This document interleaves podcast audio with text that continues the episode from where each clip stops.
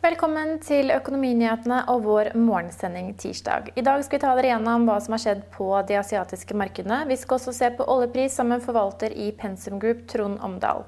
Så skal vi videre til Oslo Børs, og i tillegg skal vi få en oppdatering på konkurstallene for april. Men først skal vi ta en titt på Wall Street, og de amerikanske markedene de endte opp eh, mandag kveld. Vi ser at Dow Jones steg 0,1% Nasdaq la på seg 1,2% og SMP 500 steg 0,4% Analytikere mener likevel å spore en negativ stemning da Warren Buffett og Berkshire Hathaway avholdt sitt årlige generalforsamling denne helgen som var. One thing that Warren Buffett um, has been of late is very, very quiet. Um, he has been selling stock, he's been avoiding acquisitions.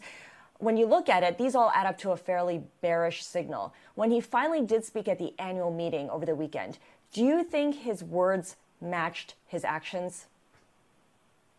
Um, yes, and in fact, I think the tone and the content of his words at the annual meeting uh, may portend, well, may portend um, a more near-term bearish outlook at Berkshire. Um, you know, as I've said before, given the breadth and depth of Berkshire's businesses, they're really sort of a microcosm for the broader economy, given all the sectors and industries that they're in.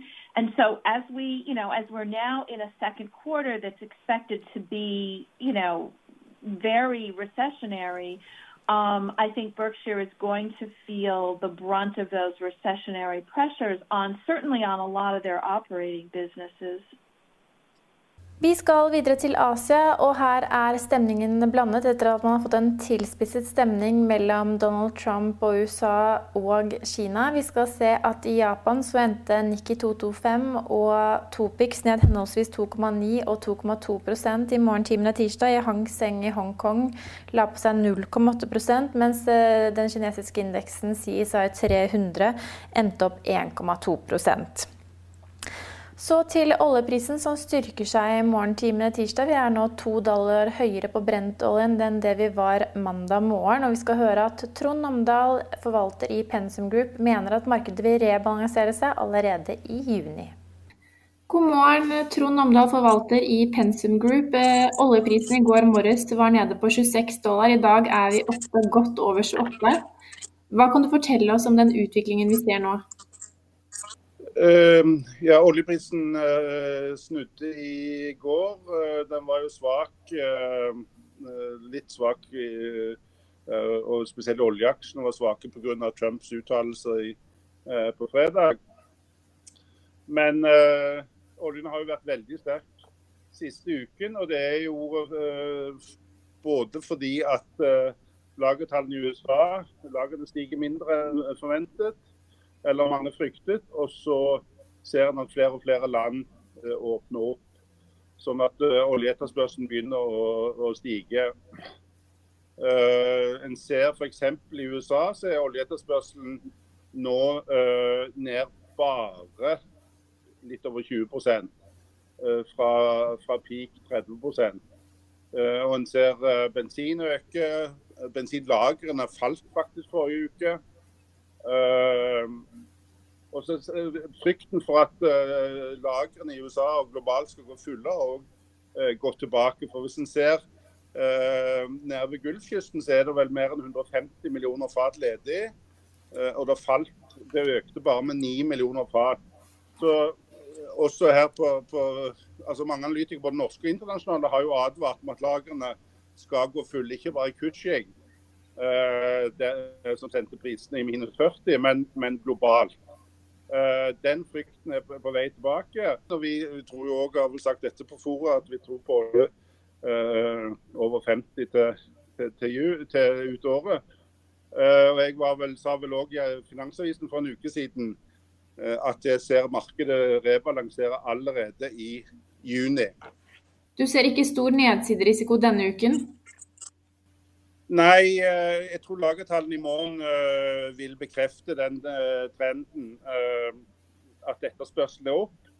Etterspørselen i USA nå var opp allerede forrige uke, to millioner fat fra bunnen.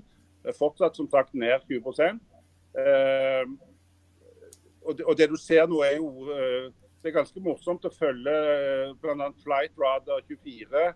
Der er fly, nå er flytrafikken globalt opp 20 på syv dagers gjennomsnitt. Og faktisk fra den verste i går faktisk nesten 70% fra den verste dagen. Det var vel 14. april som var det laveste. Ja, så, så, vi forventer at uh, oljen uh, er over 30 dollar innen, innen utløpet av, uh, mai. og selvfølgelig det, det er ingenting som går og at skal etablere seg mellom 30 og 40 dollar. Det er ingenting som går rett opp, men akkurat denne uken så tror jeg lagertallene både i kveld og, og, i morgen vil være supportive for oljeprisene.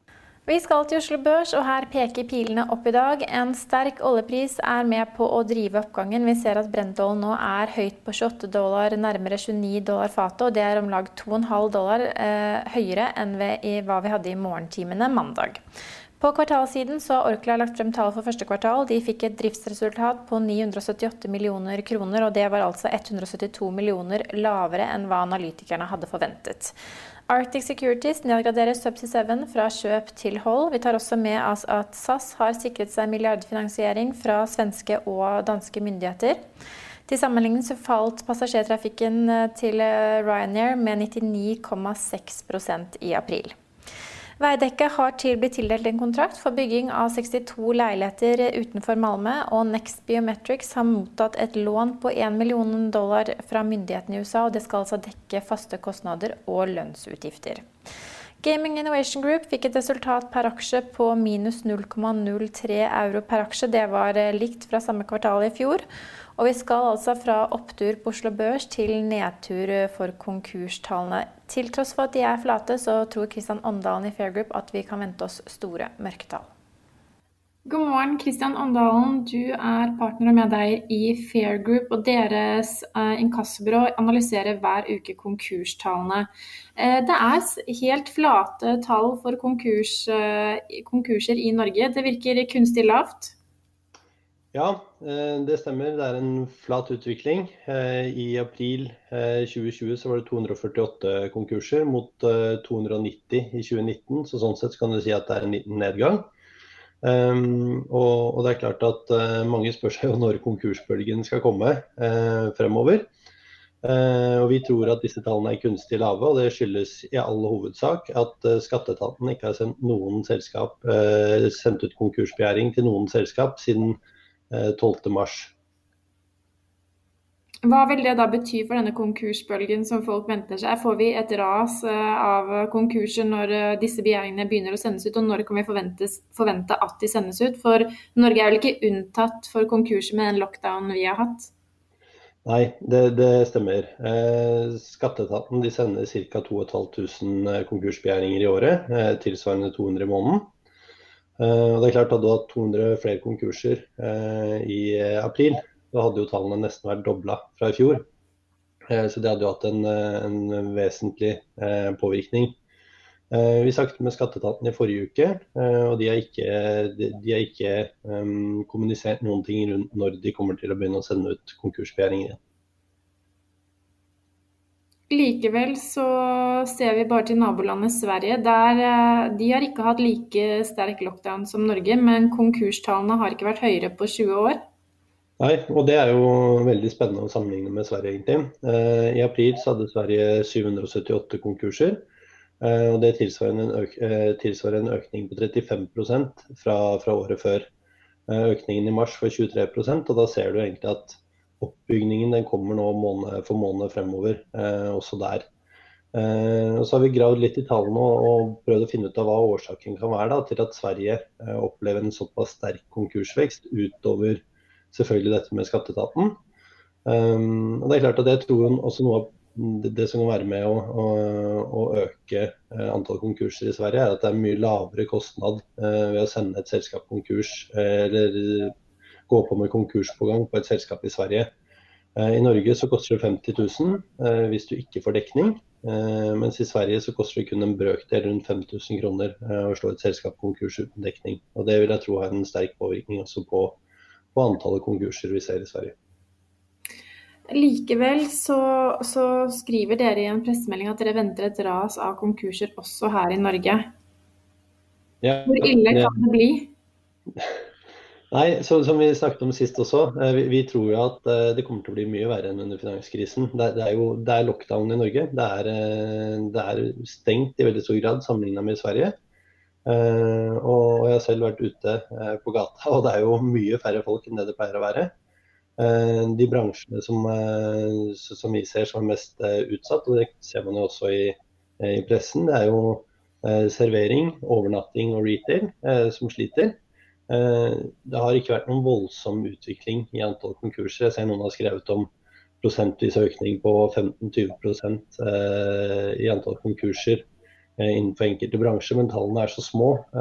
Så denne økningen er egentlig veldig liten foreløpig. Jeg tror også når vi ser disse hjelpepakkene som kommer, så, så, tror jeg også at ikke det er nok for å, redde, for å redde mange selskaper. Men mange vil nok kjempe til det aller siste for å prøve å redde det de har. Eh, men, men, til slutt så kommer det ikke til å gå lenger. Og Jeg tror ikke vi skal lenger enn sommeren før vi ser eh, at konkurstallene eh, har økt betraktelig. Så store mørketall. Du toucher innom hvilke mm, sektorer som er mest utsatt for denne konkursbølgen som vi eventuelt har i vente. Hva kan du si om, om størrelsen på konkursene? Nei, eh, Alvorlighetsgraden i de konkursene som har vært, selv om det har vært en flat utvikling, har jo vært eh, mye større eh, i år enn enn det de var i fjor. Eh, så Hvis vi ser på tallene hittil i år, så er det nesten 1300 selskap som har gått konkurs. Det er en nedgang på 4,5% Men eh, omsetningen på selskapene som har gått konkurs, eh, den, er nesten dobbelt så høy som hvis vi sammenligner med i fjor. Eh, I tillegg eh, så, så er det eh, nesten 50% økning i antall ansatte som blir berørt av konkursene. Så så langt i år så er det 8700 ansatte som har mistet jobben sin som følge av konkurs. Og i samme periode i fjor så var det 5900. Så det er klart konkursene blir større og mer alvorlige. Dere følger også med på hvordan husholdningene klarer seg i eh, en slik situasjon. Eh, når du sier at det er stadig flere som blir rammet av eh, konkurser altså, og permitteringer, hva betyr det for privatøkonomien?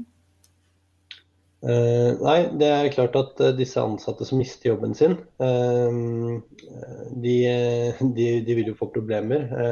de vil jo miste lønna si. Eh, og I dagens arbeidsmarked så er det også mye vanskeligere å komme eh, inn i, i arbeidsmarkedet igjen. Eh, det er jo 400 000 permitterte i, i Norge i dag. Så det er klart det, det, er alvorlig for husholdningene. Og Det ser jo vi også på, på inkassovirksomheten vår, hvor, hvor, flere og flere husholdninger ber om betalingsutsettelser, avdragsordninger og går i mislighold. Så det er klart dette er hvis det starter eh, med konkurser, og så forplanter problemene seg eh, ned i husholdningene. Helt til slutt skal dere få en fersk koronaoppdatering fra oss. Vi vet at det nå er 7904 som er testet og bekreftet smittet av korona i Norge. Det er om lag 84 innlagt på sykehus og 214 døde. Vi minner om at vi er tilbake med vår ettermiddagssending med Trygve Hegnar klokken 15.30. Da vil vi også sende et intervju med sjeføkonom i Sparebank1 Markets, Harald Magnus Andreassen. Følg med vår løpende nyhetsdekning på finansavisen.no, og morgenoppdateringen er tilbake i morgen tidlig klokken ti.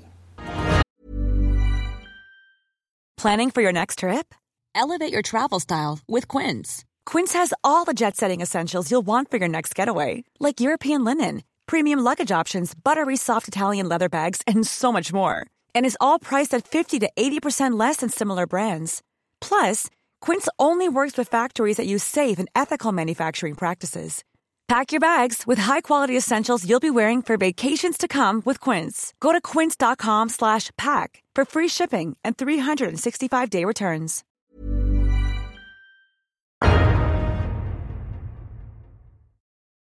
Økonominyhetene er en podkast fra Finansavisen. Programledere er Marius Lorentzen, Stein Ove Haugen og Benedikte Storm Bamvik. Produsenter er Lars Brenden Skram og Bashar Johar.